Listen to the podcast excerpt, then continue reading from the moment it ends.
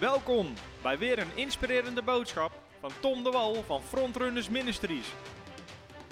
We bidden dat je via deze aflevering geïnspireerd wordt in je leven met God en opgebouwd wordt in je geloof. Hallo allemaal en van harte welkom bij deze uitzending van Voice of Faith, een extra uitzending. En het thema is 2019, jouw beste jaar ooit. En iemand zei al, geloof je dan niet dat 2020 beter gaat worden, maar bedoel natuurlijk tot en met nu toe. Tot en met wat je geleefd hebt, dat 2019 je beste jaar zal zijn. Laat ons even weten waar vandaan je kijkt, wie je bent. Vinden we leuk om te zien. We proberen de reacties bij te houden. En we wachten ook even tot er iets meer mensen intunen. En ik zal deze uitzending samen doen met mijn vrouw, met Femke. En ehm, het is eigenlijk de allereerste keer dat Femke in een live uitzending zit van ons. Femke is een tijdje geleden fulltime bij Frontrunners gekomen. Uh, is er eigen vrouwenwerk aan het opzetten, Front Women. En komt aanstaande week met de eerste video. Aanstaande week hè? Ja, woensdag. Woensdag als het goed is. Dus uh, voor alle vrouwen, like Front Women. En uh, ook daar gaan we video's op publiceren, speciaal voor de vrouwen en onderwijs. Dus uh, daar zijn we ook enthousiast over. En ja. kijken wat dat gaat brengen. Dus nogmaals, deel even deze video ook met je vrienden. Deel hem op je tijdlijn. Hoe vaker we hem delen, hoe meer mensen er kijken. Hoe meer mensen we kunnen bereiken met het onderwijs. En laat ons even weten wie je bent en waar je vandaan kijkt. Dan hebben we Johan weer uit Drunen. Leuk Johan dat je kijkt. Vorige keer hadden we mensen uit Nederland, België en Duitsland die aan het kijken waren. Jade uit Kaatsheuvel, welkom. We gaan beginnen met het onderwijs. En je hebt al gezien op de flyer, Facebook evenement 2019, jouw beste jaar ooit. Dat is waar we voor in geloof staan met je, dat 2019 jouw jaar gaat worden. Het beste jaar wat je tot nu toe hebt geleefd. En weet je, waarom doen we deze uitzending? Omdat ik, ik we merken, veel christenen hebben altijd een houding van we kijken maar wat er gebeurt. Weet je, als het gaat in het nieuwe jaar, jaarwisseling, uh, weet je. Maar wij kijken wat het jaar brengt. Maar het is niet de bedoeling dat we gaan kijken wat het jaar brengt. Het is de bedoeling dat wij bepalen wat het jaar gaat brengen. Ja. En dat we geen afwachtende houding hebben. Wil je er iets over zeggen, Fem? Nou, het is sowieso nog heel erg wennen, de live-uitzending. En met het vrouwenwerk ga ik ook echt uh, niet live in ieder geval. Dan kan ik het lekker goed voorbereiden en uh, gewoon geven. Maar ik vind het heel leuk. Uh, ik heb wel elke keer natuurlijk trouw zitten kijken als Tom live ging. En het is echt heel krachtig. Want je deelt op dat moment gewoon wat er, wat er in de geest tot je komt. En met de mensen die op dat moment kijken. Dus echt heel gaaf om, om er te zijn en een deel ervan te zijn. Maar ja, wat Tom zegt is echt waar. Dat, dat het komt je niet zomaar aanwaaien als je daarop wacht. Uh, ja, dan kun je lang wachten. Het is echt aan ons om het te grijpen. En uh, daar willen we het ook vandaag over gaan hebben. En ik las uh, laatst een keer dat de, de, de, zeg maar als je vraagt aan oudere mensen, was, ze hadden gevraagd aan oude mensen, waar heb je het meeste spijt van? En toen zeiden ze van dat we niet meer hebben gedaan van wat we wilden doen.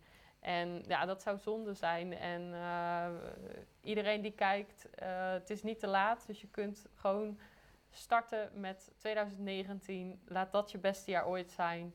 En dan gaan we alleen maar van glorie naar glorie. Amen. Zal mensen intunen uit Tilburg. Simone, Miranda uit Drunen, Fred, Edith, Tamar, Tamara. Super leuk dat jullie meedoen. Ja, we geloven dat 2019 het beste jaar wordt tot nu toe. Dus we gaan niet afwachten wat er gebeurt. We gaan bepalen wat er ge gebeurt. En je moet begrijpen, er zijn sleutels die je kan pakken, waardoor jij bepaalt wat er gebeurt, in plaats van dat je afwacht wat er gebeurt. Als je kijkt naar het leven van Jezus. Jezus had geen leven van, nou we wachten maar af wat er gaat gebeuren. Jezus bepaalde wat er ging gebeuren. Als Jezus richting uitzette voor zijn leven, Marcus hoofdstuk 4. Jezus zegt, we gaan naar de overkant van het meer. Terwijl die naar de overkant een grote storm steekt op. Wat zegt Jezus? Nou ja, zitten we dan in de boot? Jammer, de storm komt op, we kijken maar waar we uitkomen. Nee, hij bestraft de storm en hij gaat heen waar hij heen wil. Dus in het leven van Jezus zien we dingen die onderweg, die niet van God zijn, die je tegenhouden naar je bestemming toe, die kan je bestraffen. God heeft je er autoriteit over gegeven, waardoor jij bepaalt waar je heen gaat, in plaats van dat je maar kijkt waar je heen gaat. En de eerste tekst waar we mee willen beginnen is Deuteronomium 1, vers 6. In Deuteronomium zat het volk al uh, eigenlijk af te wachten. Ze zaten een bepaalde tijd al op een vaste plek. En dan zegt God dit. Deuteronomium 1, vers 6. De Heere, onze God, heeft het ons gesproken bij de Horeb, bij, dat was een berg. U, hebt lang, u bent lang genoeg bij deze berg gebleven, want ik heb het beloofde land aan u gegeven, zegt hij in vers 8. In andere woorden, dat volk zit daar te wachten. En God zegt, je hebt lang genoeg op deze plek gezeten in je leven.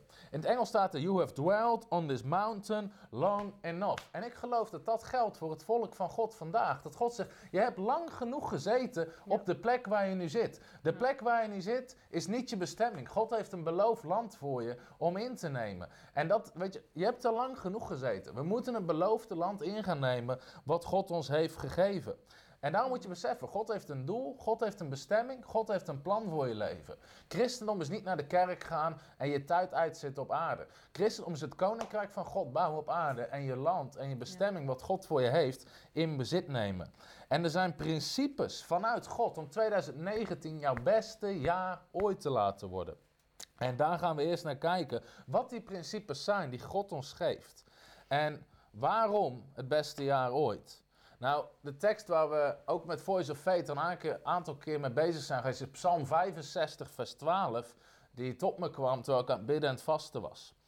Psalm 65, vers 12 zegt: U kroont het jaar van uw goedheid en uw voetstappen druipen van overvloed. You crown the year with your goodness.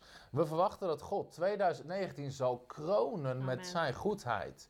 Dat we geen ellende verwachten, geen allerlei. Weet je, we verwachten de goedheid van God. Psalm 23. Goedheid en gunst zullen me volgen alle dagen van mijn leven. Als het niet goed is, als het geen gunst is, heeft het geen recht om jou te volgen in Jezus' naam. Als je het daarmee eens bent, als je dat gelooft, typ amen. En roep iets in je huiskamer waar je ook zit. Maar het enige wat recht heeft om jou te volgen van jaar tot jaar is goedheid en gunst. En God gaat dit jaar kronen met zijn overvloed. En dat is een belofte die God heeft gegeven. En een andere belofte is Deuteronomie 28. Wil jij die voorlezen, Fem? Vers 13. Uh, ja, de Heere zal u tot een hoofd maken en niet tot een staart. En u zult uitsluitend omhoog gaan en niet omlaag. Als u gehoorzaam bent aan de geboden van de Heere, uw God, waarvan ik u heden gebied, dat u ze in acht neemt en houdt. En ja, als ik er gelijk iets over mag zeggen, wat ik heel mooi vind, wat je ook terugziet in Deuteronomium 1, vers 6, is dat God doet eigenlijk zijn deel en wij moeten de onze doen. Bijvoorbeeld in Deuteronomium 1, vers 6 staat er, uh, uh, in het Engels staat er, I have set the land before you. Eigenlijk als het ware uh, sta je voor een vitrine met een lekkere taart en, en het staat voor je, het beloofde land is, is daar. En uh, het is aan ons om, om het in beslag te nemen. En dus God heeft, het, heeft zijn deel gedaan. Hij heeft gezegd, ik heb het beloofd, maar neem het in bezit. En dat zien we ook in Deuteronomium 28, vers 13. En er staat eigenlijk, als je gehoorzaam bent aan de geboden van de Heer, uw God... en als je ze in acht houdt, uh, dan zal de Heer je tot een hoofd maken en niet tot een staart. En je zult uitsluitend omhoog gaan en niet omlaag. En ik geloof uh, dat dat heel belangrijk is, ook een, een belangrijk uh, onderdeel ervan, dat wij, uh, dat wij ons deel doen, dat we actief worden om dit jaar het beste jaar ooit te laten worden. Absoluut. Ik ben 21 dagen aan bidden vast en jij begint over taart en vitrines.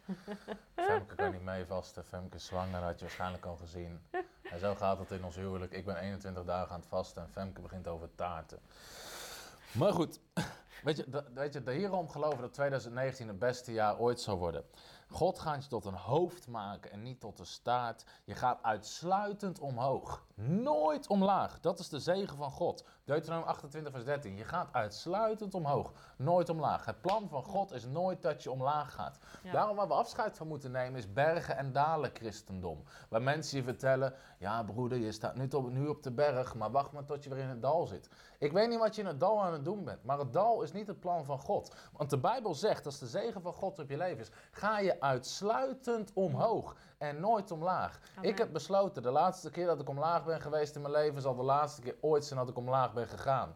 Waarom? Ik ga uitsluitend omhoog. Dus dat betekent, 2018 was beter dan 2017, 2019 was beter dan 2018 en 2020 wordt weer beter dan 2019. Want we gaan uitsluitend omhoog. Amen. Net zoals Spreuken 4 vers 18, het pad van de rechtvaardige is als een schijnend licht, wat sterker en sterker gaat schijnen totdat het volledig dag is geworden. Dus dat is wat God wil doen. Nog één andere tekst hierover, Psalm 84, vers 7. Dat spreekt erover. Dat zegt, zelfs al ga je door een dal, de mensen die God kennen, vers 8, ze gaan van kracht tot kracht en ze zullen voor God verschijnen. Ze gaan van kracht tot kracht. Dus het plan van God voor je leven is dat je gaat van glorie naar glorie, van kracht naar kracht, van heerlijkheid naar heerlijkheid. En dat is het plan van God. Het plan van God op je leven. Als je kijkt naar hoe God de mens maakte, Genesis hoofdstuk 1. God schiep de mens. Het allereerste wat God doet. God zegende de mens en God zei, wees vruchtbaar en word talrijk. Vermenigvuldig je. En het spreekt niet alleen over kinderen, dat spreekt over increase, over toename. Het plan van God was dat ze zouden toenemen vanaf het begin. En dat is het verbond van God. En een hele mooie tekst hierover nog, gewoon om je geloof te geven, zodat 2019 je beste jaar ooit wordt, is Psalm 115, vers 12. Daar staat, de Heere heeft aan ons gedacht. En dan kan je denken, waar heeft God aan gedacht? Hij zal zegenen. De Heer heeft aan ons gedacht, hij zal zegenen. Hij zal het huis van Israël zegenen, hij zal het huis van Aaron zegenen en hij zal zegenen wie de Heere vrezen. Dat zijn wij, de kleine en de grote. Vers 14. The Lord shall increase you more and more. De Heere zal u meer en meer zegenen. God heeft aan jou gedacht. En als God aan jou denkt, wat denkt hij? Ik ga hem zegenen. Ik ga hem zegenen. Ik ga hem zegenen. Ik ga hem zegenen. Dat is het plan van God. Als je naar jezelf kijkt, de zegen van God is op me. God gaat mij zegenen. Zeg het eens hardop, waar je ook bent. God gaat mij zegenen. Wat de Bijbel zegt hier in Psalm 115. De Heere heeft aan ons gedacht. En hier dacht God aan. Ik ga ze zegenen. Amen. I shall increase them more and more. Dus daarom geloven dat 2019 beter wordt dan 2018. Want de Heer heeft aan ons gedacht en God heeft eraan gedacht om ons te zegenen. En we willen vier sleutels met je gaan delen. Vier sleutels waardoor 2019 ook jouw beste jaar ooit gaat worden. Dat je niet af hoeft te wachten, maar dat jij kan bepalen wat 2019 gaat doen. Wil jij de eerste sleutel delen, Fem, of zal ik het doen? Ja, ik ga de eerste sleutel delen. De eerste sleutel is dat we eh, geloofsdoelen moeten zetten. Dat is essentieel voor het bereiken van, van een goed jaar om 2019 het beste jaar ooit te laten worden. Dat hangt niet alleen maar af van, van wat ik al zei, van eh, toeval of wat er gaat gebeuren. Afwachten. Nee, we moeten echt ons deel gaan doen. Dus wat, we, wat belangrijk is, is dat we geloofsdoelen gaan zetten. En ehm, ja, ik denk dat het handig is om eerst dat jij het verder oppakt. Die, eh. Ja, de eerste sleutel is naar het zet geloofsdoelen. Door geloofsdoelen wacht je niet af wat er gebeurt. Geloof zorgt ervoor dat jij in controle bent. En het verhaal wat God op mijn hart legt, en ik heb het op onze part-time bijbelschool gedeeld, is het verhaal van Bartimaeus in Marcus hoofdstuk 10. Bartimaeus zit langs de kant van de weg te bedelen. Maar in die tijd in Israël, Bartimaeus was niet de enige die zat te bedelen. Waarschijnlijk zat er een hele rij met blinden, verlamden, mensen, weet je wel, met, met mankementen die niet konden werken, die zaten te bedelen. Maar Bartimaeus hoort dat Jezus eraan komt en hij begint uit te roepen, Jezus, zoon van David, heb medelijden met mij. En iedereen om hem heen zegt dat hij zijn mond moet houden. Dat is een les voor ons. Als je gaat wandelen in het plan van God, zeggen mensen dat je je mond moet Ja, gaan houden. ja. En Bartimaeus geeft ook het antwoord. De Bijbel zegt, hij begint nog harder te roepen. Hij begint nog harder uit te roepen naar Jezus. Jezus, zoon van David, heb medelijden met mij. En Jezus zegt, haal die man hierheen. En mensen halen Bartimaeus op en ze brengen hem bij Jezus. En dit is wat Jezus zegt tegen Bartimaeus. Dan zegt hij, Marcus 10, vers 51, ik ga het oplezen. Marcus 10, vers 51. Jezus antwoordde hem en zei, wat wil je dat ik voor jou zal doen? Jezus vraagt aan Bartimaeus, wat wil je dat ik voor je doe? Als je erover nadenkt, lijkt onlogisch. Weet je, Jezus, hij is blind. Iedereen ziet het, iedereen weet het. Hij zit te bedelen, hij is blind. Maar Jezus wil het horen uit de Ja. mond van Bartimaeus. Waarvoor sta jij in geloof? Ja. Jezus ging niet zomaar op eigen initiatief. Deed hij soms wel bij anderen, zoals Bethesda. Maar in dit geval bij Bartimaeus. Hij zegt, waarvoor sta jij in geloof? Wat wil je dat ik voor je doe? En Ja. Bartimaeus zegt, hij zegt, rabbi, dat betekent leraar, dat ik zien zal.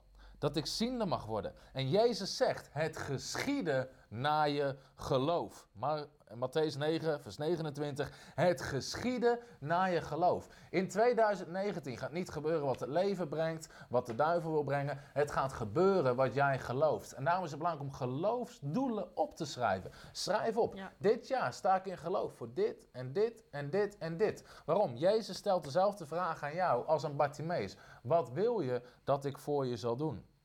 En daarom is het belangrijk om geloofsdoelen te zetten. Matthäus 9, vers 29. Het zal gaan naar uw geloof. Let it be according to your faith. Dat is wat er in 2019 gaat gebeuren. En met jezelf zien we dit keer op keer. In je leven gebeurt niet. eh, it's not wishing, het is niet wat je wenst, het is niet, eh, niet toeval, het is waar je geloof voor inzet. We laten het ook nog gezien met een huis. Wil jij dat met ons huis, wil jij dat getuigenis vertellen, Fem? Ja, ehm, ik, was, eh, ik was echt bezig met, met eh, bepaalde eh, financiële. eh, het verwachten van financiële doorbraak. Dus ik had eigenlijk echt van. We hebben financiële doorbraak nodig. En ik was daar steeds voor aan het bidden, maar eigenlijk een beetje meer in de wandelgangen.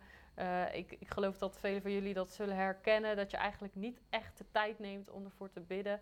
En toen ging ik eigenlijk er eens echt voor zitten. En toen zei ik, Heer, wat moet ik doen om bij die oogst te komen? En toen zei God in eerste instantie, waar ben je naar, wat wil je oogsten? Wat, is je, wat, wat verwacht je? Wat, wat, wat heb je nodig? En toen, eh, toen kreeg ik heel sterk op mijn hart om een hele lijst te maken met alles, met de bedragen, met wat ik precies wilde hebben voor in het huis. Ik heb zelfs de maten van de gordijnen had ik al opgemeten. Ik had ze ingevoerd. Ik had precies begroot hoeveel ik nodig had. En we hadden natuurlijk heel veel spullen ook nodig voor de babykamer en voor, eh, de hele babyuitzet. En mijn begroting liep op in in de duizenden euro's. En ik wist gewoon, er is niet voor niks dat God van me vraagt om dit op te schrijven. Dat is niet om ontmoedigd te worden, maar dat is juist om, om geloof op te bouwen. Want ik weet dat het in het natuurlijke onmogelijk is, maar met God zijn alle dingen mogelijk. En eh, dan wil ik gelijk even een Bijbeltekst bij noemen, 1 Korinthe 2, vers 5. Daar staat opdat uw geloof niet zou bestaan in wijsheid van mensen, maar in de kracht van God. Want als ik me zou focussen op de wijsheid van mensen, dan zou ik nooit uitkomen Mm. bij eh, die financiële doorbraak. Want het was absoluut onmogelijk. Maar omdat ik eigenlijk het op papier ben gaan zetten waarvoor ik in geloof stond, alle bedragen erbij, zo concreet mogelijk, toen kon ik ook duidelijk bidden en vragen wat ik wilde. Want daarvoor was ik heel onduidelijk. Alleen maar voor financiële doorbraak. Dus ik was heel erg duidelijk. En toen wist ik, daar koppelde ik ook mijn geloof aan. Ik wist, dit zal geschieden naar mijn geloof. En we hebben echt in de dagen daarna hebben we gift eh, gekregen met zelfs de omschrijving voor de baby. Dus eh, ja, God is goed. En, en dat is echt geweest omdat ik ook in actie kwam, dat durf ik wel te zeggen. Ja, absoluut. Het was heel grappig. Toen kwam ik bij ons op kantoor voor hulp om zijn bediening te bouwen. En hij zei, ja, God zei hem dat je een gift moest geven voor jullie baby. Onze baby is nog niet eens geboren en die krijgt nu al giften. maar dus Femke, Femke was er heel concreet in. En mensen beginnen giften te geven met die omschrijving. Ja. Hoe concreter jij het maakt. Weet je, Bartimaeus zei niet tegen Jezus... Je, Jezus vroeg aan Bartimaeus, wat wil je dat, dat ik doe? Bartimaeus zei niet, Heer, wat u wil. Of Heer, kijk maar wat u op... Nee, hij zei, Heer, dat ik ziende mag worden. Hij was zo concreet mogelijk. Ik wil zien. Weet je, en hoe concreter je het maakt, hoe beter het is. Weet je, mensen die wel eens bij ons in ons gebouw zijn geweest en op, op kantoor zijn geweest. Bij mijn bureau hangt een heel groot visiebord van 2 meter bij anderhalf meter. Met gewoon precies waar we voor in geloof staan. Voor, de komende, voor het komende jaar, voor de komende twee jaar, voor de komende vijf jaar, voor de komende tien jaar, voor de tien jaar plus. Weet je, streep na streep. Hier staan we voor in geloof, hier staan we voor in geloof, hier staan we voor in geloof, hier staan we voor in geloof, hier staan we voor in geloof. Zo concreet mogelijk. Ieder jaar, aan het eind van het jaar, kan ik afstrepen. Alles wat God heeft gedaan. Maar het heeft te maken met concreet in geloof staan. Veel mensen zijn altijd vaag. Weet je, wat de Heere wil. En we zien het wel. En Heer, we verwachten uw zegen. We verwachten de zegen van God. Maar heel concreet. Weet je, Heer, ik geloof uw zegen op dit gebied. Weet je, momenteel staan we gewoon weer in geloof. Voor, voor mensen die komen helpen. Bepaalde functies die ingevuld gaan worden. Bepaalde deuren die open gaan. Ik heb het heel specifiek omschreven. En dan kan ik aan het eind van het jaar ook heel specifiek afstrepen wat er is gebeurd. En daarom, weet je, het gaat om resultaat. Waar het ook om gaat in je leven. Concreet resultaat. Weet je, sommige mensen zeggen ja, getallen en nummers zijn niet belangrijk. Een heel boek in de Bijbel heet nummerie. God is geïnteresseerd in getallen en in specifieke dingen. Ja. En heel veel mensen zijn altijd vaag. Ook als je onze nieuwsbrieven krijgt, als je ze niet krijgt, laat even weten, zorg dat je ze krijgt.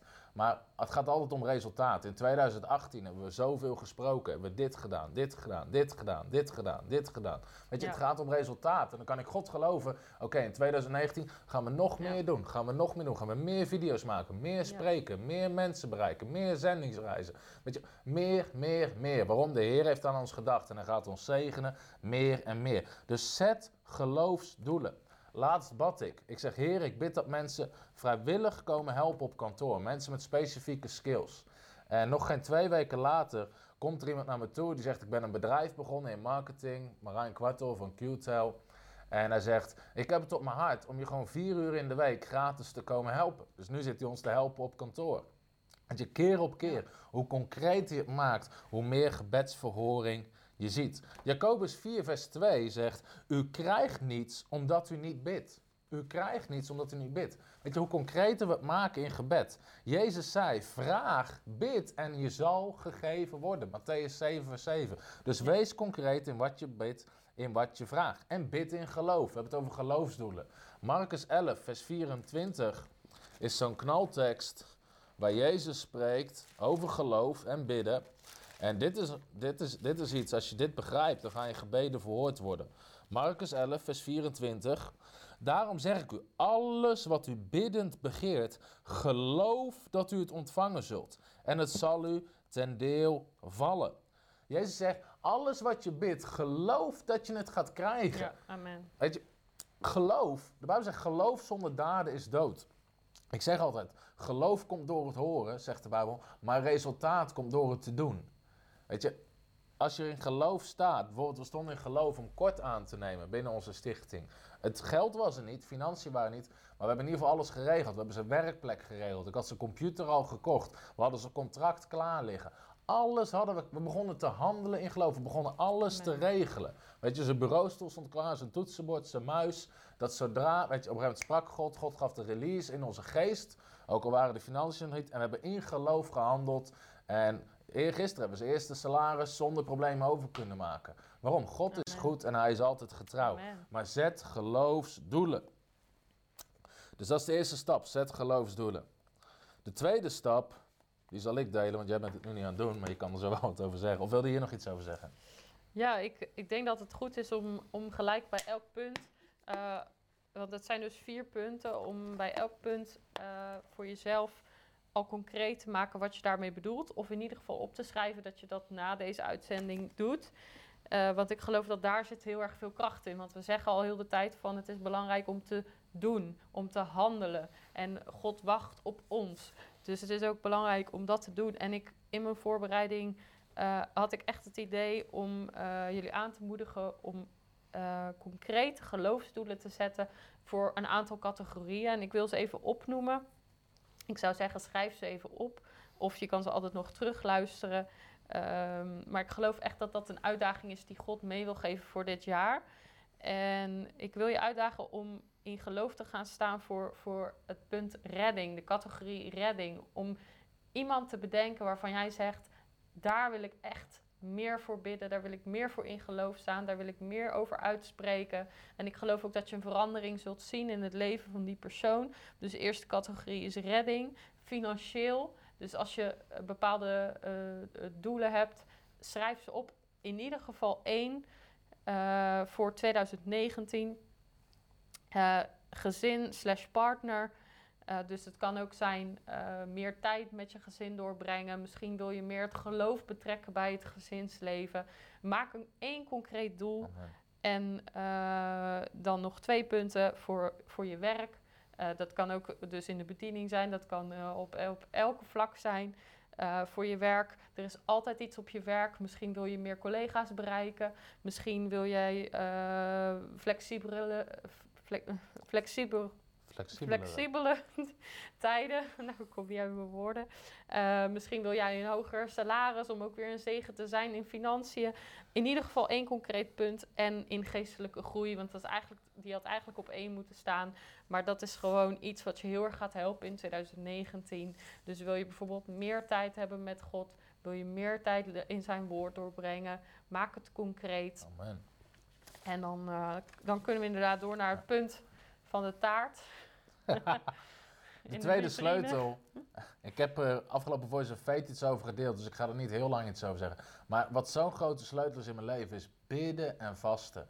Weet je, om 2019 je beste jaar ooit. We zijn nu 21 dagen aan het bidden en het vasten. Zitten we op dag 10 of zo. Maar weet je, om echt God te zoeken. En met bidden en vasten zeg je, Heer, ik ben hongeriger naar u dan naar eten. En weet je, dat is zo'n grote sleutel. Want God zegt, ik stort uit mijn geest op de hongerigen. En ik stort uit mijn geest op de dorstigen. En bidden en vasten is een grote sleutel. En een van de grootste dingen die bidden en vasten doet, daar ben ik bij Voice of Fate niet zo lang op ingegaan afgelopen dinsdag. Maar bidden en vasten geeft je concrete visie. Je begint God scherper te horen. Weet je, je vleeselijke mens, die ben je aan het, eh, aan het laten sterven, om het zo maar te zeggen. Maar je geestelijke mens geeft je meer aandacht en meer aandacht, waardoor je God scherper gaat horen. Romeinen 10, vers 17 zegt: Geloof komt door het horen van het woord van God. Als God iets tegen je heeft gezegd, heb je er automatisch geloof voor. De Ja. stap om kort aan te nemen. Ik kreeg geloof omdat ik aan het bidden en het vasten was. En God sprak tot me. Jezaja 51, vers 2. Kijk naar Abraham. Toen ik hem riep, was hij alleen. Ik zegende hem en maakte hem talrijk. En God sprak me: Hetzelfde zal zijn in jouw leven. Toen ik je riep, begon je alleen. Maar ik ga je zegenen en talrijk maken. Dat betekent, je zal met velen zijn. God sprak dat tijdens het bidden en het vasten, waardoor ik geloof had. Dus het geeft visie in je leven. Ja. En de tekst die op mijn visiebord staat in kantoor is Habakkuk 2, vers eh 2 en 3. En je kan hem erbij pakken op je telefoon, maar waarschijnlijk zit je op je telefoon te kijken. Maar anders moet je hem nalezen. En dan zegt God dit. Toen antwoordde de Heere mij en zei: Schrijf het visioen op. Schrijf de visie op. Grif het duidelijk in tafelen, zodat het in het snel voorbijlopen te lezen is. Voorzeker, het visioen wacht nog op de vastgestelde tijd. Aan het einde zal God het werkelijkheid maken. Hij liegt niet. God zegt: schrijf de visie op die ik je geef. Schrijf het duidelijk op. Daarom hadden we het over duidelijke geloofsdoelen. Waarom? God zal het werkelijkheid maken. En er staat hier, zodat het in het snel voorbijlopen te lezen is. Ja. Iedere keer als ik naar mijn bureau toe loop, zie ik de doelen waarvoor ik in geloof sta. Iedere ochtend als ik op kantoor zit te bidden, zie ik die doelen voor ogen. Ik hou voor ogen waar ik voor in geloof sta. Dat is zo belangrijk. In Genesis 13, vers 15 lezen we dat Abraham moet scheiden van Lot. Hij was samen met Lot, zijn neef, maar ze werden allebei te groot. En dan staan ze op een berg. En dan zegt Abraham, Lot, jij mag eerst kiezen. En Lot, die kiest het mooiste stuk land, wat groen is. En weet je, hij kiest eigenlijk voor zichzelf en hij gaat de beste weg. En dit is wat God zegt tegen Abraham. Kijk goed naar het land, want het land dat u ziet zal ik voor eeuwig aan u en uw nageslacht geven. Weet je, God geeft aan je wat je kan zien. Het land wat je ziet, daarom is het belangrijk om die doelen voor ogen te houden. Dat je een plaatje in je geest hebt. Zegt, dat het land wat je ziet, gaat God je geven. Andere woorden, als je het niet voor je kan zien, ga je het ook nooit hebben. En dat is wat bidden en vasten doet. Ik, eh, ik zei gisteren op Facebook: If it's your vision, you have to fulfill it. If it's God's vision, He will fulfill it. En tijdens bidden en vasten ontvang je Gods visie. En als ik daar iets over toe mag voegen. Eh, er, eh, er was ooit een, eh, een plaatje wat iemand schetste, wat ik zo duidelijk vond. Dat eigenlijk heb je een werkende auto. Hij werkt compleet van, van, van, van A tot Z. Alles doet het. Alleen het gaat heel hard regenen en de ruitenwissers zijn kapot. Dat is eigenlijk wat er gebeurt als je niet ziet waar je, waar je heen gaat. Dan kan de hele auto compleet werken. Maar als je niet ziet waar je heen gaat. Ik weet niet of je het wel eens hebt meegemaakt dat je ruitenwissers kapot gaan. Ik weet dat Tom het een keer heeft meegemaakt. was niet mijn auto. En eh, toen moesten ze echt letterlijk het- raam opendraaien en met de hand het water van de ruit afvegen. Want anders kan het gewoon zijn dat jij, eh bij wijze van spreken, de, de rivier in rijdt en niet op je bestemming aankomt. Enkel en alleen doordat je visie niet helder is, doordat je niet ziet waar je heen gaat. Ja. Spreuken 29, vers 18 zegt: Als er geen visioen is, raakt het volk losgeslagen. Weet je, als er geen visie is, waarom, waarom kan ik zeggen 2019 wordt het beste jaar ooit? Omdat ik visie heb voor wat er gaat gebeuren dit jaar. Ik weet heel concreet waar ik voor in geloof sta. En heel veel mensen, daarom zeg ik, ik kijk niet wat er gebeurt. Ik weet wat er gaat gebeuren, want ik schrijf mijn visie op, wat ik ontvangen heb van God. En dat is wat bidden en vasten doet. En daarnaast, met bidden en vasten, zet je extra tijd apart om God te zoeken. En de Bijbel zegt, als wij naderen tot God, nadert God altijd tot ons. Jacobus 4, vers 8. Nader tot God en hij zal tot u naderen. Dus hoe meer we God zoeken, hoe meer we hem vinden, hoe meer ruimte die krijgt in ons leven. Amen. Hebreeën 11, vers 6 zegt: Zonder geloof is het onmogelijk God te behagen. Want wie tot God komt, moet geloven dat Hij is. En dan staat er dit: En dat Hij beloont wie Hem zoeken. God beloont wie Hem zoeken. Daarom zit ik extra tijd apart om God te zoeken. Want ik weet dat God een beloner is voor wie Hem zoeken. En als je God gaat zoeken voor specifieke dingen in bidden en vasten, dan is dat ook wat doorbraak gaat geven. 2 Kronieken 16, vers 9 zeggen de ogen van de Heer trekken over heel de aarde om te zoeken wiens hart volkomen naar hem uitgaat, zodat God die sterk bij kan staan. Ja. De ogen van God gaan rond over heel de aarde om te zoeken wiens hart volledig naar hem uitgaan, zodat hij ze sterk bij kan staan. Dat is wat God doet. God kijkt op dit moment naar beneden, vanuit de hemel, en hij zoekt mensen waarvan het hart volledig naar hem uitgaat. Dan zegt diegene ga ik sterk bijstaan. Ik ga mezelf sterk bewijzen aan diegene. En dat is wat bidden en vasten doet. En daarom is bidden en vasten zo belangrijk. Eh, Handelingen 13, vers 2 hebben we afgelopen Voice of Fate naar gekeken. Hoe kwam de apostel Paulus in zijn bediening? Echt in zijn bediening. Bidden en vasten. Handelingen 13, vers 2. Ze waren aan het bidden en vasten. En terwijl ze aan het bidden en vasten waren, zei de Heilige Geest: Zet Paulus of Saulus voor mij apart. Voor het werk waarvoor ik hem geroepen heb. Terwijl ze aan het bidden en vasten waren, zet hem apart. Want ik heb hem geroepen voor een speciaal werk. Het is geen toeval dat het kwam tijdens bidden en vasten. Hetzelfde met Jezus. Eerst bidden en vasten en daarna zette God hem krachtig vrij in zijn bediening. Wil jij nog iets over zeggen, Fem, over bidden en vasten? Ik heb zin in taart, nee. ik mag niet meer over taart praten van Daniel. Daniel, Maar die is Ik heb het bakker. toch gedaan, sorry. nee, Ja, God maakt je los van andere dingen. Dat is wat er gebeurt. Bidden en vasten geeft je zo'n focus. Zo'n focus. Ik sprak vandaag nog iemand die met ons mee aan het bidden en vast is. Zo, ik heb zo'n rust van binnen. Dat je geestelijke mens komt zo tot leven. Dus bidden en vasten is een belangrijke sleutel. mag ik toch nog wat zeggen? Want Ja, ik had, ik had eh, in mijn voorbereiding nog ja, weer echt praktisch. Ik hou echt van praktisch en concreet. Ik weet dat we vaak aan het einde ook wel wat concrete punten nog meegeven. Maar over bidden en vasten, wat, wat ik keer op keer heb meegemaakt, is ik ben heel erg, eh, ik kan heel erg enthousiast zijn. Dan kan ik zeggen, ja, ik ga een week bidden en vasten. En dan ga ik er vol in. En na twee dagen denk ik, oh nee. En eh, misschien, kan ik het, misschien moet ik het toch anders doen. En dan komen er allemaal gedachten. Misschien moet ik het alleen met dit doen. En eh, mijn tip is in ieder geval eh, van tevoren duidelijk op te schrijven.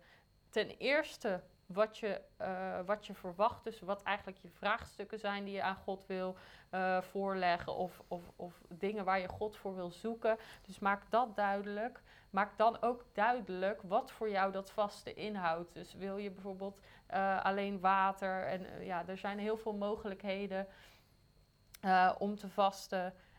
Maar maak dat van tevoren duidelijk en hou je daaraan. En wees dus reëel. Dat is ook heel belangrijk. voor mensen zoals mij die dan denken: oh ja, dat doe ik wel even.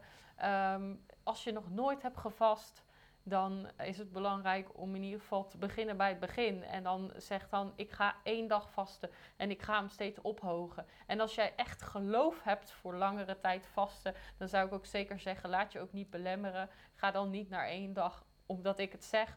Maar zorg in ieder geval wel dat de belofte die je dan maakt naar God, ik ga zo lang vasten, dat je daar ja, je wel aan probeert te houden. Dus wees dan, wees dan ook reëel in, in, eh, in je planning, in wat je wil gaan doen. En even voor de record, voor iedereen. Social media vasten is geen vasten. Ik hoor heel vaak mensen, ik ben aan het vasten van Facebook. Onzin. Weet je, dan had Jezus heel zijn leven gevast, Paulus heel zijn leven gevast, iedereen in de Bijbel heel zijn leven gevast, iedereen tot en met het jaar 2000 heel zijn leven gevast. Onthouden van bidden, onthouden van Facebook is geen vasten. Weet je, vasten betekent dat je bepaald voedsel weerhoudt. Dat moest er even bij gezegd worden voor iedereen die het op zijn hart had om te gaan Facebook vasten. Bovendien, als je gaat Facebook vasten, mis je voice of fate. Dat kan nooit Ja. de wil van God zijn. Anyway, de derde sleutel. De derde sleutel, zodat 2019 jouw beste jaar ooit wordt, is spreken. Je kan 2019 door de woorden van je mond het beste jaar ooit Amen. maken. En heel veel mensen Amen. spreken altijd ongeloof. Eh, weet je, altijd bekijken wat er gebeurt. Of ik hoop dat mijn vrouw en kinderen oud worden. Weet je, je bepaalt wat er gebeurt. Jij begint te spreken. Mijn vrouw, mijn kinderen, ze zullen oud worden. We zullen gezond zijn. Waarom? De Bijbel zegt, in hoge oude- ouderdom zullen we vrucht dragen. 40 is niet oud, 50 is niet oud, 60 niet, 70 niet. Dus weet je, hoge ouderdom zullen we vrucht dragen. Begin te spreken de beloftes van God. Amen. Spreuken 21, vers 23. 21, vers 23 zegt: Wie zijn tong in toom houdt, bespaart zich in zijn leven van allerlei ellende. Sommige mensen spreken zichzelf in ellende, ieder jaar weer. Waarom? Ze spreken, weet je, het zal vast een lastig jaar worden, het wordt steeds lastiger, dingen gaan steeds. Weet je, ze spreken zichzelf in ellende. Wie zijn tong in toom houdt, bespaart zich in zijn leven van allerlei ellende. Amen. En deze tekst kwam tot me. Ik ga even iets vooruitlopen. Specifiek voor dit jaar. 1 Petrus 3, vers 10. Wie het leven wil liefhebben en goede dagen zien. Daar gaan we voor in 2019. Goede dagen. Wat is het eerste wat Petrus zegt? Wie zijn leven wil liefhebben en goede dagen wil zien, moet zijn tong weerhouden van het kwaad. In andere woorden, die moet zijn mond houden en geen negatieve dingen spreken. Dat is wat Petrus zegt. Wie ze goede dagen wil zien, moet letten op de woorden van zijn mond. Zoveel mensen. Weet je, onze kinderen zijn zo lastig. Onze kinderen luisteren slecht. Weet je, onze kinderen, waarschijnlijk gaan ze dit jaar of gaan ze de middelbare school niet redden. Ze zullen wel niet. Ze spreken het omlaag. Weet je, spreek omhoog. Jozua 1 Amen. vers 8. Het woord van God Amen. mag niet wijken uit je mond. De Bijbel zegt, je kinderen zullen gezegend zijn. Amen. Dat is wat de Bijbel zegt. De Bijbel zegt nergens, je kinderen zullen omlaag gaan. Je gaat uitsluitend omhoog en nooit omlaag. Dus bepaal, ik ga zeggen wat God zegt. Waarom? God luistert ernaar. Op het moment dat ze het beloofde land in willen nemen, zeggen ze, we kunnen dit land niet innemen. Terwijl God had gezegd, we hebben het gelezen, je gaat het land innemen. Iedereen zegt, behalve Jozef en Caleb, zeggen, we kunnen het land niet innemen. God zegt, nummer 14, vers 28, ik zal met u doen zoals u ten aanhoren van mij gesproken hebt. Ik zal met u doen zoals u ten aanhoren van mij gesproken hebt. In andere woorden, God zegt, oké, als dat is wat je zegt, is dat wat ik doe. Dus daarom, als je een goed jaar wil zien, let op de woorden uit je mond. Spreek het naar een goed jaar. Spreek gezondheid. Spreek voorspoed. Amen. Spreek de zegen. Spreek de gunst van God. Waarom? Je krijgt wat je zegt. Jezus zei in Marcus hoofdstuk 11, vers 23. Weet je, ik geef je tekst na tekst na tekst om mee bezig te gaan. Vanaf vers 22. Hij zegt, heb geloof in God. Heel veel dingen die mensen spreken, weet weet je, heb je helemaal geen geloof voor nodig. Weet je, gewoon om door te kabbelen, hetzelfde te hebben als altijd. Dat vraagt geen geloof. Weet je, heb geloof in God. Zet geloofsdoelen. Dat was het vorige punt. Met bidden en vasten, zet geloofsdoelen. Want voorwaar, voorwaar, ik zeg wie tegen deze berg zal zeggen... Wordt opgeheven en in de zee geworpen. Niet zal twijfelen in zijn hart, maar zal geloven dat wat hij zegt gebeuren zal. Het zal gebeuren wat hij zegt. Het zal gebeuren wat hij zegt. Jezus zegt hier: Ja. heb geloof in je hart en het zal gebeuren wat jij zegt. Sommige mensen zeggen van, ja, je hebt van die faith preachers die geloven dat wat je zegt gebeuren zal. Weet je, we verzinnen dit niet. Jezus zegt, het zal gebeuren wat je zegt. Amen. Dus, weet je, spreek jezelf naar een goed jaar. You shall have whatsoever you say, zegt de Engelse vertaling. En, weet je, daarom, Joel 3, vers 10 zegt, laat de zwakke zeggen, ik ben sterk. Laat de zwakke zeggen, ik ben Ja. sterk. Ja. Dus wij spreken, 2019 wordt het beste jaar dat we ooit gehad hebben. Weet je, dat is wat je spreekt en je zal hebben wat je zegt. Wil jij er iets over zeggen, Fem? Ja, ik denk dat het belangrijk is eh, dat je ook eh, daarin corrigeerbaar bent door de Heilige Geest. Want je zult heel vaak merken dat, dat God je wil vertellen, dit moet je niet zeggen. Want, want soms horen we als, we, als je dit onderwijs hoort, dan eh, gaan mensen ermee aan de haal en die zeggen dan van ja, maar mag ik dan niet meer zeggen wat als het echt, als er iets ergs gebeurt, mag ik dat dan niet spreken? Maar het is geen wet, het is door geloof dat je dat je de goede dingen spreekt. En door de Heilige Geest die, die jou wil waarschuwen, eh, dat je niet eh, de slechte dingen spreekt. En ik heb zo laatst ook een keer gehad dat ik, dat ik zei, Eh, ik werk nog één dag in de week bij, de, eh, bij een andere werkgever. En toen zei ik eigenlijk, eh, oh, ik heb geen zin om naar mijn werk te gaan. Eigenlijk zei ik dat een beetje tegen mezelf, want er was volgens mij misschien wel stom in de buurt. Maar toen zei God tegen mij van, dat ik dat niet meer moest zeggen. Want ik heb gekozen om daar te werken. Niemand die zegt dat ik daar moet werken. En het is belangrijk dat je corrigeerbaar bent. Ik hoorde gewoon van binnen dat God zei: Dit moet je niet zeggen. En ik vind dat, het, ik vind dat erg belangrijk dat je, eh, dat je daar rekening mee houdt. Want dan, dan zul je ook altijd de goede dingen spreken. En dan hoef je dus ook niet in angst te zijn. Zeg ik wel het goede? Mag ik dit wel zeggen? Mag ik dit niet zeggen? We hebben de Heilige Geest binnen in ons die ons leidt in de waarheid, in heel de waarheid. Dus dan, dan weten we wat we mogen zeggen. Ja, absoluut. Dus spreek wat het woord van God zegt. Getuigenis wat ik hoorde van iemand, die had hier onderwijs over gegeven. Er een vrouw in zijn kerk, alleenstaande moeder, met een dochtertje. En ze had het financieel heel lastig. En dat dochtertje vroeg heel vaak om cadeaus. eh, want die kreeg ze nooit, die kon ze niet betalen. En die vroeg al heel lang om een fiets. En iedere keer zei die moeder, joh, dat kunnen we niet betalen. Dat kunnen we niet betalen. Dat kunnen we niet betalen. En tot ze een preek hoorde over dit principe. En haar dochtertje vroeg weer, mama mag ik een fiets? En ze zei, dat kunnen we niet. En in één keer, inderdaad, in de geest wist ze, dit moet ik niet meer zeggen. Waarom? Het woord van God zegt in Filippenzen 4 vers 19, God zal voorzien in alles wat we nodig Ja. hebben. Overeenkomstig zijn rijkdom in heerlijkheid in Christus Jezus. Dus ze zei, dat kunnen we niet. En ze zei, God gaat een fiets geven. Dat is wat ze zei. God gaat hierin voorzien. Amen. God gaat hierin voorzien. Binnen een week kreeg ze een fiets van iemand voor de dochtertje. Dus ze kreeg wat ze zei. Zolang ze zei dat kunnen we niet betalen, kunnen we niet hebben, had ze het niet. Toen ze de woorden uit de mond begonnen te spreken, begon ze het te krijgen. Dus spreek waar je naartoe wil. Ja. If it's too big for your mouth, it's too big for your hands. Weet je, als je het niet uit je mond kan krijgen, ga je het ook nooit in je handen krijgen. Dat is het principe van God. Dus het zijn niet de reuzen die je uit het beloofde land houden. Het zijn de woorden uit je mond. Net zoals het volk Israël.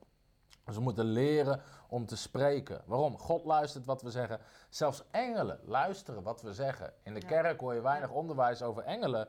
Maar je kan engelen, weet je, je kan engelen activeren. Waarom? De Bijbel zegt in Psalm 103, vers 20. Prijs de Heere zijn engelen, sterke helden die zijn woord uitvoeren. Een andere vertaling zegt, die luisteren naar de klank van zijn woord. Engelen, op dit moment, weet je, de Bijbel leert ons, engelen zijn overal, zijn bij iedereen. Ze luisteren naar de klank van Gods woord. Dus ze zitten te wachten tot iemand het woord van God spreekt, zodat ze dat woord kunnen gaan uitvoeren. Want het zijn dienstknechten voor God. Ja. En ik geloof dat in 2019 engelen voor je aan het werk gaan om dingen te doen als jij het woord van God Amen. gaat spreken. Amen. Weet je, dus engelen luisteren mee, zelfs demonen luisteren mee. Die storm die Jezus probeerde tegen te houden van zijn, van zijn bestemming, was een demonische storm. En Jezus zwijg, wees stil. En het ging liggen. Dus engelen luisteren mee, demonen luisteren mee, God luistert mee. Alles luistert mee naar de woorden die jij spreekt. En ik hoor, weet je, dit, dit is iets wat dicht bij mij stond. Maar mijn, eh, iemand dicht, die dicht bij ons in de buurt woonde, nou, ik zal geen namen noemen, maar heel zijn leven lang, zijn vader was overleden toen hij 65 was. Zijn vader op zijn 65ste jaar overleed hij. En die man die zei heel zijn leven lang, ik zal ook nooit 65 worden. Waarschijnlijk sterf ik net als mijn vader. Kerngezond was hij. Maar omdat zijn vader was overleden op die leeftijd, begon hij datzelfde te zeggen. Heel zijn leven lang zei hij, weet je, waarschijnlijk word ik ook nooit 65. Mijn vader is ook niet ouder geworden dan 65. Raad is, 64 jaar oud, hij kreeg kanker, binnen een jaar stierf hij. En iedereen zegt, ah, hoe, hoe kan dat nou gebeuren? De woorden uit je mond. Ja. Spreuken 21, Ja. vers 18. Dood, spreuken 18, vers 21. Dood en leven is in de macht van de tong. Dood en leven is in de macht van de tong. Je krijgt wat je zegt. Je geeft ruimte aan de duivel. Door gewoon maar te spreken wat hij wil dat je spreekt. Het plan van God is niet dat je 65 wordt. Het plan van God is dat je veel ouder bent en in hoge ouderdom vrucht draagt. Ja. Dus besef goed wat je spreekt in je leven. Dus weet je, desnoods, schrijf confessions. Schrijf op wat je wil zien. Schrijf op wat je gaat spreken. Zodat Ja. dat is wat je zal krijgen. Wil jij er nog iets over zeggen, Fem? Ja, ik denk dat het ook goed is dat je weet dat het proces is. Want je, je bent niet in één dag. eh, soms de eerste keer dat je iets uitspreekt in geloof, kan het nog zo eh, onwennig zijn. Dat je denkt van. eh, wat ik nu aan het uitspreken ben, dat lijkt helemaal niet zo'n realiteit in mijn leven. Maar eigenlijk door het te gaan doen, verander je de Bijbel zegt ook, geloof komt door het horen en het horen van het woord. Maar dat is ook het woord wat jij spreekt uit je eigen mond. Dat hoor je ook. Dus je, je bouwt geloof door hetgeen wat je spreekt. Dus, dus, dus besef ook dat je er niet in één dag bent. eh, dat je niet eh, die, die dingen gelijk. eh, eh, die lijken misschien wat groot in het begin als je ze uit aan het spreken bent. Maar hou vol en, en, en, en zet ermee door. Want uiteindelijk zul je zien dat je getransformeerd wordt. En wat ik ook had opgeschreven in mijn voorbereiding is dat we veel meer mogen leven vanuit een koningsmentaliteit. We zijn de kinderen van, van de hoogste koning. En, en vaak denken we zo min over onszelf. Dat, dat heeft de duivel jarenlang geprobeerd in ons denken eh, te proppen. eh, dat we, dat we financieel. alle negatieve dingen die over jouw leven zijn uitgesproken. Eh, dat hoort niet bij de identiteit die God je heeft gegeven. Dus het is belangrijk om te spreken vanuit de identiteit van een overwinnaar, waar we het ook in de andere Voice of Faith over hebben gehad. Dat je, dat je een overwinnaarsmentaliteit mag hebben. En van daaruit gaan we spreken. En dan zul je zien dat je getransformeerd wordt. En geef het die tijd. Want dan, dan, ja, dan zul je gewoon eh, de vruchten ervan gaan plukken. Ja, Femke zei al, weet je, je moet het, men- de mentaliteit hebben van een koningskind. De Bijbel leert ons, God heeft ons gemaakt tot koningen en priesters onder hem. En weet je, Jezus is de allerhoogste koning, maar onder hem, we zijn koningen onder hem. Dit is wat Romeinen 5 vers 17 zegt. Weet je, zij die de gave van gerechtigheid hebben ontvangen, dat is dat je rechtvaardig wordt door Jezus Christus, zullen in dit leven regeren als koningen door Jezus Christus. Amen. Nou, hoe regeert een koning? Ja, Nou is Willem-Alexander misschien niet het beste voorbeeld, want Nederland is wel een monarchie, maar eh, er zit een democratie onder en dat, en dat werkt niet zo. Maar in andere landen, een koning, weet je, als een Ja. koning iets gedaan wil hebben, wat doet hij? Hij begint te spreken. Hij zegt, dit moet er gebeuren, dit gaat er gebeuren. En vervolgens wordt het uitgewerkt door anderen. Dat is ook wat er gebeurt. Ik zeg niet dat je niet moet werken, je moet hard werken met je handen, maar je moet ook spreken wat je wil zien, zodat je dingen in de gang aan het zetten bent. Want dat is hoe koningen regeren. En dat is hoe jij over je leven kan regeren. Dus begin te spreken. En woord van God, woord van God, woord van God. Jozua 1 vers 8, het woord van God mag niet wijken uit je mond. Als je kijkt naar Matthäus hoofdstuk 4, Lucas hoofdstuk 4, waar Jezus wordt verzocht door de duivel. En elke keer zegt Jezus, er staat geschreven, er staat geschreven, er staat geschreven. Als ik aan het bidden ben, voor, laten we zeggen, of ehm, gezondheid. Weet je, dan bid ik niet, oh Heer, ik bid dat u mij gezond wil maken. Ik begin het woord van God. Heer, u zegt in uw woord, uw streamen zijn mijn genezing. U zegt, u zal ziekte uit mijn midden doen wijken. U zegt, u bent de Heer, mijn heelmeester. Weet je, u zegt, u zegt, u zegt. Weet je, dat is hoe je strijdt. Het wapen van het, zwaard van de geest is het woord van God. En dat is hoe je de strijd strijdt. Ja. Dus woord, woord, woord, woord. Dat is hoe het gaat. Ehm, en dat is hoe je regeert. Dus dat is sleutel 3. Nog één keer even samenvatten tot nu toe. Sleutel 4 komt zo meteen. Sleutel 1, zet geloofsdoelen. Sleutel 2 was bidden en vasten. En sleutel 3 is spreken. Spreken. En nou wil ik de vierde sleutel delen. En die kwam heel specifiek tot me tijdens het bidden en vasten. En ik wil lezen uit Genesis 26, vers 12. In Genesis 26, daar was dat Isaac in een hongersnood. En Isaac wilde wegvluchten, want hij dacht er is een hongersnood. Maar God zegt, nee, woon in het land waar ik je zeg te wonen. Dus Isaac besluit om te blijven in dat land. En dan zegt de Bijbel dit. Isaac zaaide in dat land en oogste in dat jaar het honderdvoudige, want de Heere zegen hem. En de man werd rijker en rijker totdat hij zeer rijk was geworden. De vierde sleutel is zaaien. Zaaien. En dit, dit sprong eruit, ik ga het zo meteen zeggen, maar Isaac zaaide in dat land en oogste dat jaar het honderdvoudige. Ik geloof dat 2019 het jaar is waarin we honderdvoudig gaan oogsten. Als je het ook gelooft, typ amen in reacties, roep amen waar je zit. Want 2019, dat jaar, dit is het jaar waarin we honderdvoudig gaan oogsten. Weet je, alles, onze woorden, hebben we net over gehad, onze woorden zijn een zaad. Onze handelingen, wat je doet, is een zaad. Je financiën zijn een zaad. Op elk gebied, zaai zaad waar je naartoe wil.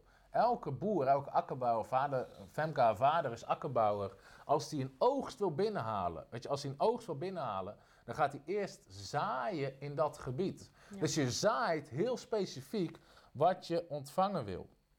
En ik heb opgeschreven, sow a seed against your need.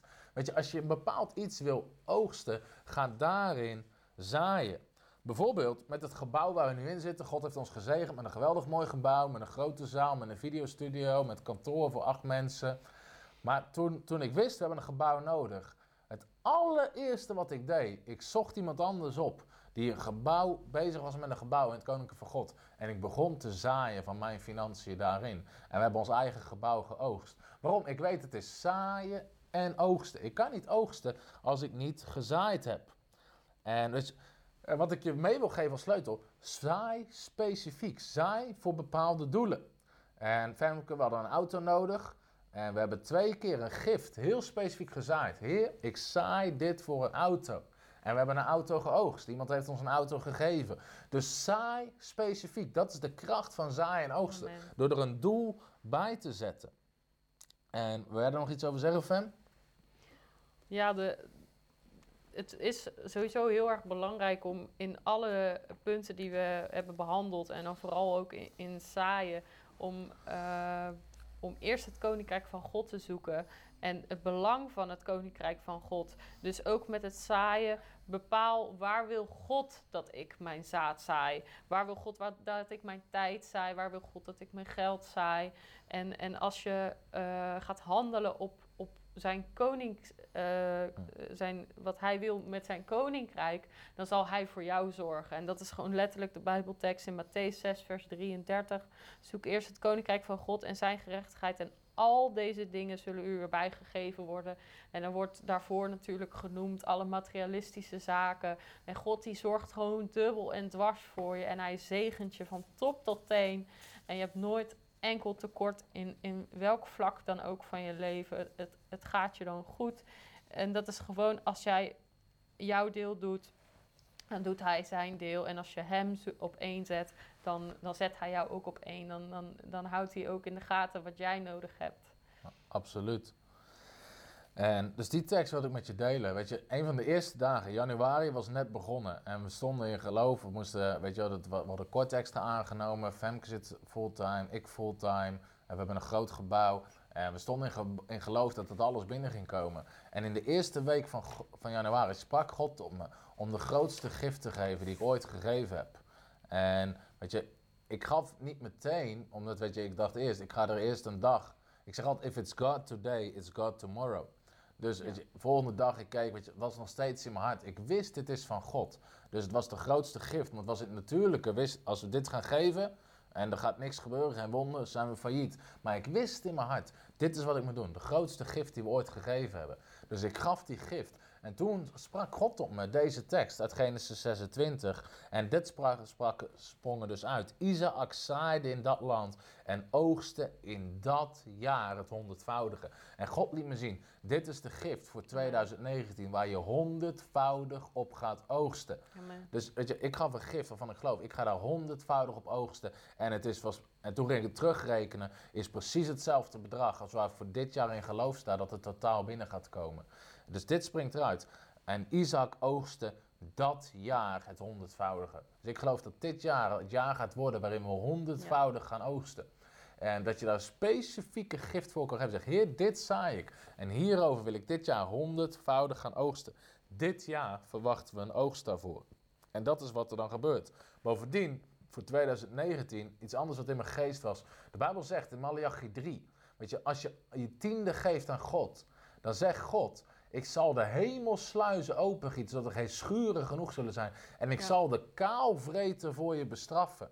En het woord bestraffen, de Engelse vertaling is het I rebuke the devourer. Ik bestraf de kaalvreter. Is hetzelfde woord als Jezus gebruikt om de storm te bestraffen. Zoals Jezus tegen die storm zei: Storm, ga liggen. Dat is hetzelfde wat Jezus doet tegen de kaalvreter, wat een beeld is van de duivel die probeert te stelen van de kinderen van God. Hij zegt tegen hem: Zwijg, wees stil. Dat is wat je met je giften, met je zaad kan vrijzetten. Dat de kaalvreter bestraft wordt en dat je dit jaar honderdvoudig gaat oogsten. Dus dat is wat God wil doen in 2019. En je gaat zelfs oogsten in ideeën, concepten, plannen die God je geeft, waar die oogst aan vastzit. Dus om 2019 jouw beste jaar ooit te laten worden, vier sleutels. Zet geloofsdoelen, bidden en vasten, spreken en zaaien. Weet je, en we hebben het praktisch gemaakt. We zeggen, faith komt by hearing, but results come by doing. En ik geloof dat deze uitzending je echt een faith shot kan geven. Dus in Amerika hebben ze zo'n flu shot, zo'n griepspuit, zo'n anti-griepspuit. Ik geloof dat deze uitzending je een faith shot kan geven met alle teksten, onderbouwingen en sleutels om 2019 het beste jaar ooit te laten maken. Maar ga het doen, want resultaat komt door het te doen. Dus weet je, Ja. wat je ook gehoord hebt over geloofsdoelen, bidden, vasten, spreken, doe het. Werk het uit. Neem hier de tijd voor zaaien. En ook voor het laatste willen we al meteen de gelegenheid geven. Als je wil geven, gebruik de link in de beschrijving. Eh, weet je, saai een zaad waarvan je zegt, Heer, weet je, ik geloof dit jaar hiervoor voor honderdvoudig oogst. Dit jaar gaan we hierop oogsten. Dus als je dat wilt doen voor een specifieke bestemming, je zegt, Heer, ik ga zaaien voor dit jaar hiervoor.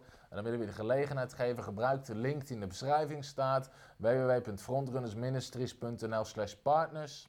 En dan kan je zaad zaaien. Je zegt, Heer, hiervoor sta ik in geloof. Eh, wil jij er nog iets over zeggen, Fem?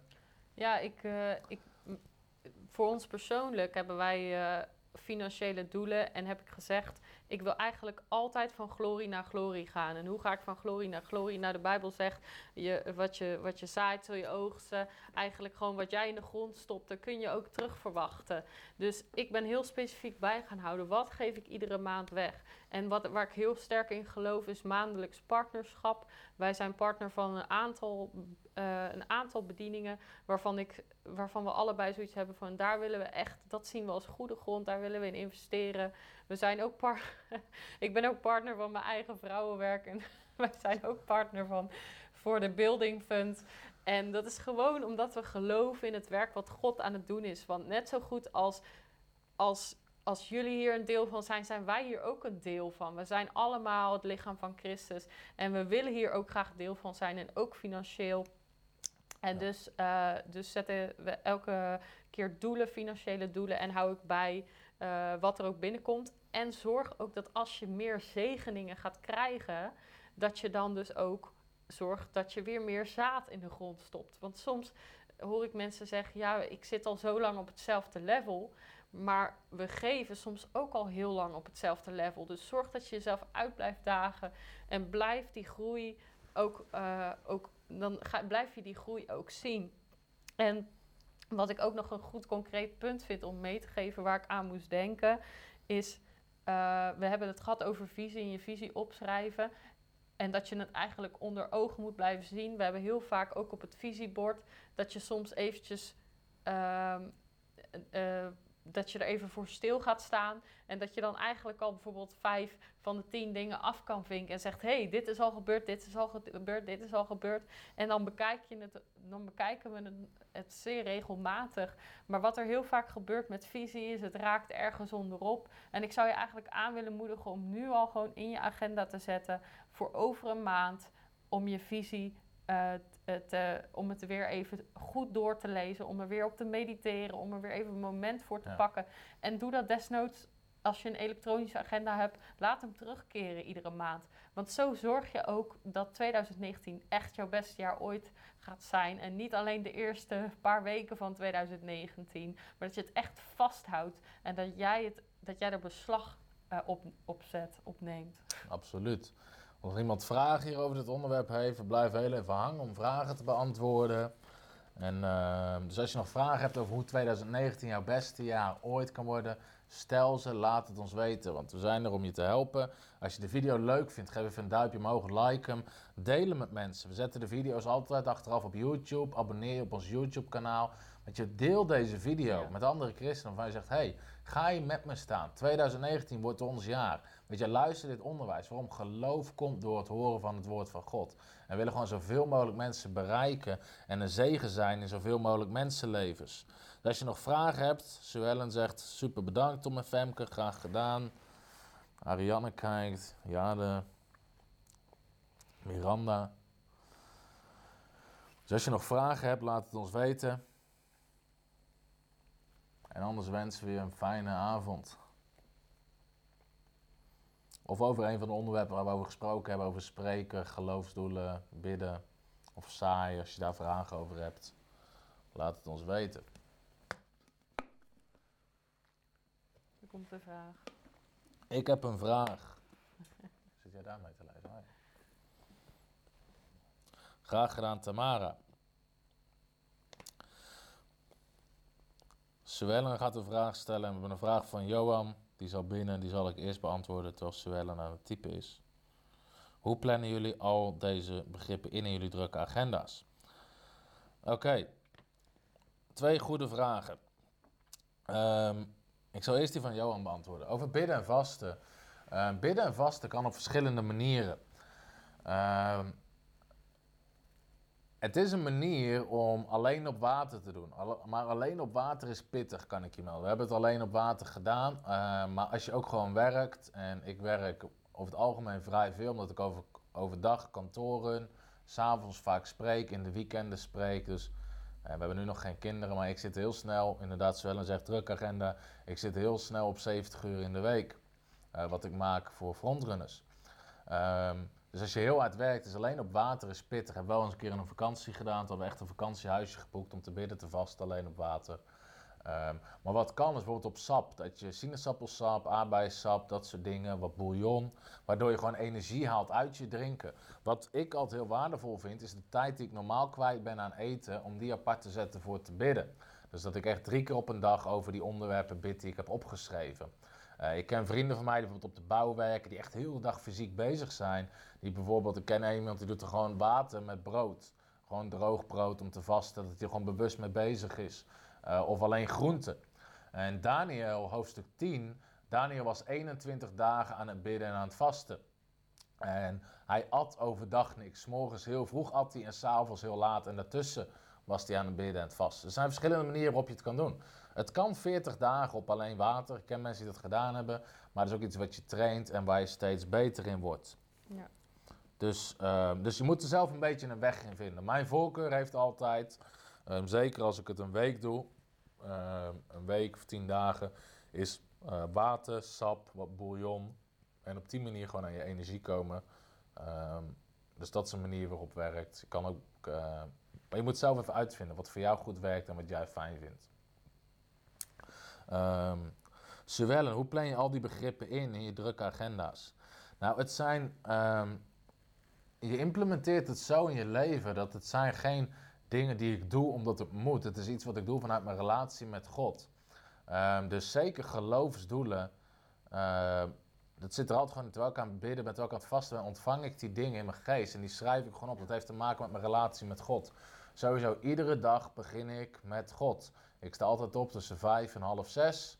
En dan de eerste twee uur van mijn dag besteed ik met bidden, Bijbel lezen en God zoeken. Waarom? Ik weet als ik God eerst zoek, dan kom ik hem heel de dag tegen in alles. Ehm, dus sowieso de eerste twee uur van mijn dag besteed ik met God. Ehm, dus op die manier, ik plan heel bewust altijd tijd in voor God. En dat moet ook iedereen doen. Sommige mensen vinden s'avonds laat fijn, wat ik ook wel eens doe. Maar eh, ik vind s morgens vroeg, dan is er nog niks. Weet je als eenmaal na acht uur komen er mailtjes, telefoontjes, taken, dingen die geregeld moeten worden. Uh, maar tot die tijd is het rustig op kantoren, is mijn telefoon stil, Ja. word ik niet gebeld, komen er geen mailtjes binnen. Dus dat is de tijd wat ik heerlijk vind om met God door te brengen. Dus ik sta altijd op uh, tussen vijf en half zes. Dan heb ik tijd met God. En op die manier plan ik alles in. Bidden en vasten plan ik op een aantal bewuste momenten in. Eind van het jaar om visie te ontvangen voor volgend jaar. Begin van het jaar om voor doorbraak te bidden dat jaar. Soms tussendoor als ik merk dat God meer wil doen. Ehm, en zeker zoals spreken. Spreken moet niet iets worden wat je doet vanuit een wet, maar gewoon vanuit je geest. Dat er zoveel woord van God in je zit, dat je automatisch begint te spreken, de beloftes van God. Dat er iets gebeurt, dat je denkt, hé, maar God zegt dit en God zegt dat. En soms zet ik bewust tijd apart om gewoon te proclameren. Eh, maar heel vaak is gewoon door je dag heen. Eh, en s'morgens tijdens mijn gebed. Mijn gebed is heel veel proclameren. Zeggen, zeggen, zeggen. In het Engels hebben ze een uitspraak. A lot of people are praying while they ought to be saying. Jezus zegt niet bid tegen de berg. Hij zegt spreek tegen de berg. Dus spreken is gewoon een routine. En bouw het in. Ehm, bijvoorbeeld eh, geloof krijgen weet je, als je in de bus zit, in de auto zit, zet preken aan. In mijn auto heb ik altijd preken, worship, ik heb nooit radio aan. Want je, ik moet soms vaak twee, twee uur rijden om ergens te spreken. Ik heb een preek aan staan, ik heb worship aan staan, ik ben aan het bidden, ik ben aan het proclameren. Om al die tijd zo nuttig mogelijk te gebruiken. Dus dat is hoe ik het inplan. Wil jij er nog iets over zeggen, Fem? Ja, ik, eh, er is, ik heb mezelf voorgenomen om te geloven, er is altijd tijd om het woord van God te doen. En dat is, zoek eerst het koninkrijk van God en al het andere zal je gegeven worden. En ik heb wel eens gedacht, ik heb een bepaalde periodes in mijn leven gehad dat ik dacht, ja, als dit minder is, dan heb ik meer tijd daarvoor. En als dan, als dan.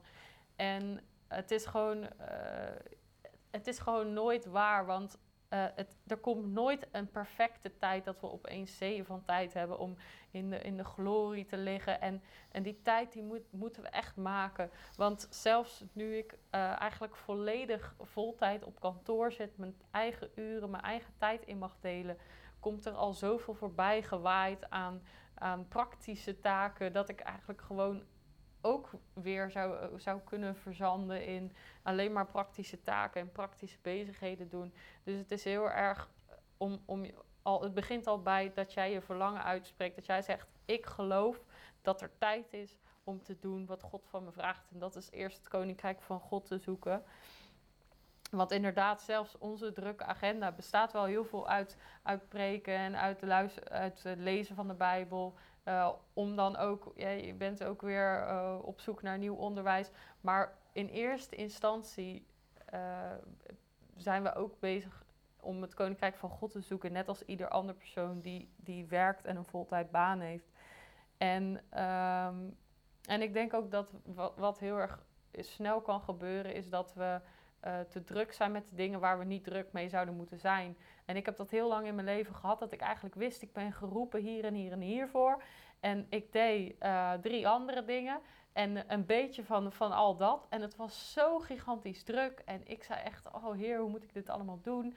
Maar ik zei het wel, maar ik luisterde ook niet echt naar een antwoord. Toen heb ik op een gegeven moment gezegd van dit kan toch niet? U heeft me hiervoor geroepen, dus dan moet er ook een weg zijn.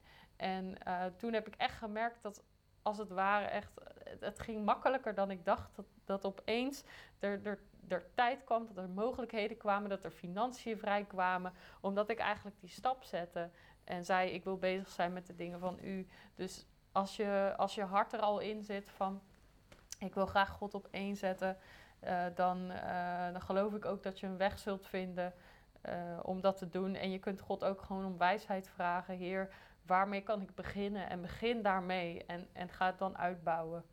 Ja, absoluut waar. Johan vraagt is dat de Daniel vaste. Daniel vaste staat in Daniel hoofdstuk 10. waar Daniel ook een geestelijke strijd heeft. In Nederlands Bijbel vertaalt het met rouwen. Hij was 21 dagen aan het rouwen, maar een betere vertaling zou zijn vasten. Um, ja, dan zegt ik ben groente en fruit aan het vasten. Gaat heel goed tenzij iemand over taarten praat. Vrouw. Ik zag Tom net al lachen, dus hij was wel... Uh... Graag gedaan, Miranda, voor de handvaten jullie tijd. Zwellen zegt, ik moet me ook gewoon focussen. Dat klopt, ik heb ook sowieso geleerd in mijn eigen leven. Nou moet ik zeggen, voor Femke werkt iets anders, maar... Uh, Weet je, niemand hoeft mij s'morgens uit bed te trekken. Uh, weet je, ik, ik, sta altijd op met een vuur van God in me om, om, hem te zoeken en de dag in te gaan om zijn koninkrijk te bouwen. Dus uh, ik heb er geen probleem om vijf uur op te staan. Uh, tenzij ik soms heel laat terug ben, halverwege de nacht van spreken ergens. Maar anders sta ik altijd gewoon vroeg op. Maar dat is ook iets wat je aan kan leren. Sommige mensen hebben zichzelf luiheid aangeleerd. Um, die altijd die eraan gewend raken om half negen, negen uur, half tien op te staan en gewoon heel een schema omgooien. Um, maar je kan jezelf ook gewoon terug aanleren om vroeg op te staan. De Bijbel zegt in de vroege ochtend zal ik u zoeken. Dus voor mij is dat een sleutel. Maar ook dat zijn gewoon dingen die je soms kan leren. Om vroeg op te staan, hard te werken en effectief te werken. En zeker als je een eigen bedrijf hebt of zoals wij een bediening, op een gegeven moment ook dingen effectief in te delen. Een van de redenen dat ik kort heb aangenomen, is om heel veel dingen van mij over te nemen die ik niet per se hoef te doen. Uh, dat ik me echt kan richten op bedienen, uh, op bidden, op visie uitzetten, op leiding geven. Uh, en niet allerlei praktische taken en andere dingen. Die heeft Kort onder mij overgenomen. En ze, ook Kort doet alweer heel veel leiding geven, teams aansturen, zodat ik dat ook niet hoef te doen. Net zoals in handelingen, waar de apostelen allemaal praktische taken Dan vragen de mensen om zijn praktische taken te doen en zeggen ze, nee, God heeft ons geroepen voor het bedienen en het prediken van het woord. Dus zeker als je in bediening zit, is dat je focus, moet je naartoe werken dat je daarvoor uh, vrijgezet wordt. Maar anders als je gewoon een normale baan hebt, dan nog, weet je, zoek gewoon momenten waarop jij met God kan zijn. En sommige mensen kunnen tijdens hun werk, weet je, sommige mensen zijn koerier of wat dan ook. Weet je, kan je preken, luisteren, bidden, dus dan kan je het zelfs inplannen. Klopt, spreuken spreekt ook veel over luiheid. Mag ik nog iets zeggen? Ja hoor. Wees, ik vind ook, wat ik heb geleerd is, wees niet te streng voor jezelf. Want de reden dat je bijvoorbeeld al zo'n vraag stelt, betekent dat je het graag wilt. Maar wees wel duidelijk dat je het echt graag wil en dat er dus ook verandering moet plaatsvinden. Maar wat ik bijvoorbeeld heb gemerkt, is dat ik eigenlijk bijvoorbeeld heel makkelijk juist in de tegenwoordigheid van God kom als er bijvoorbeeld muziek op staat. Terwijl ik heel moeilijk.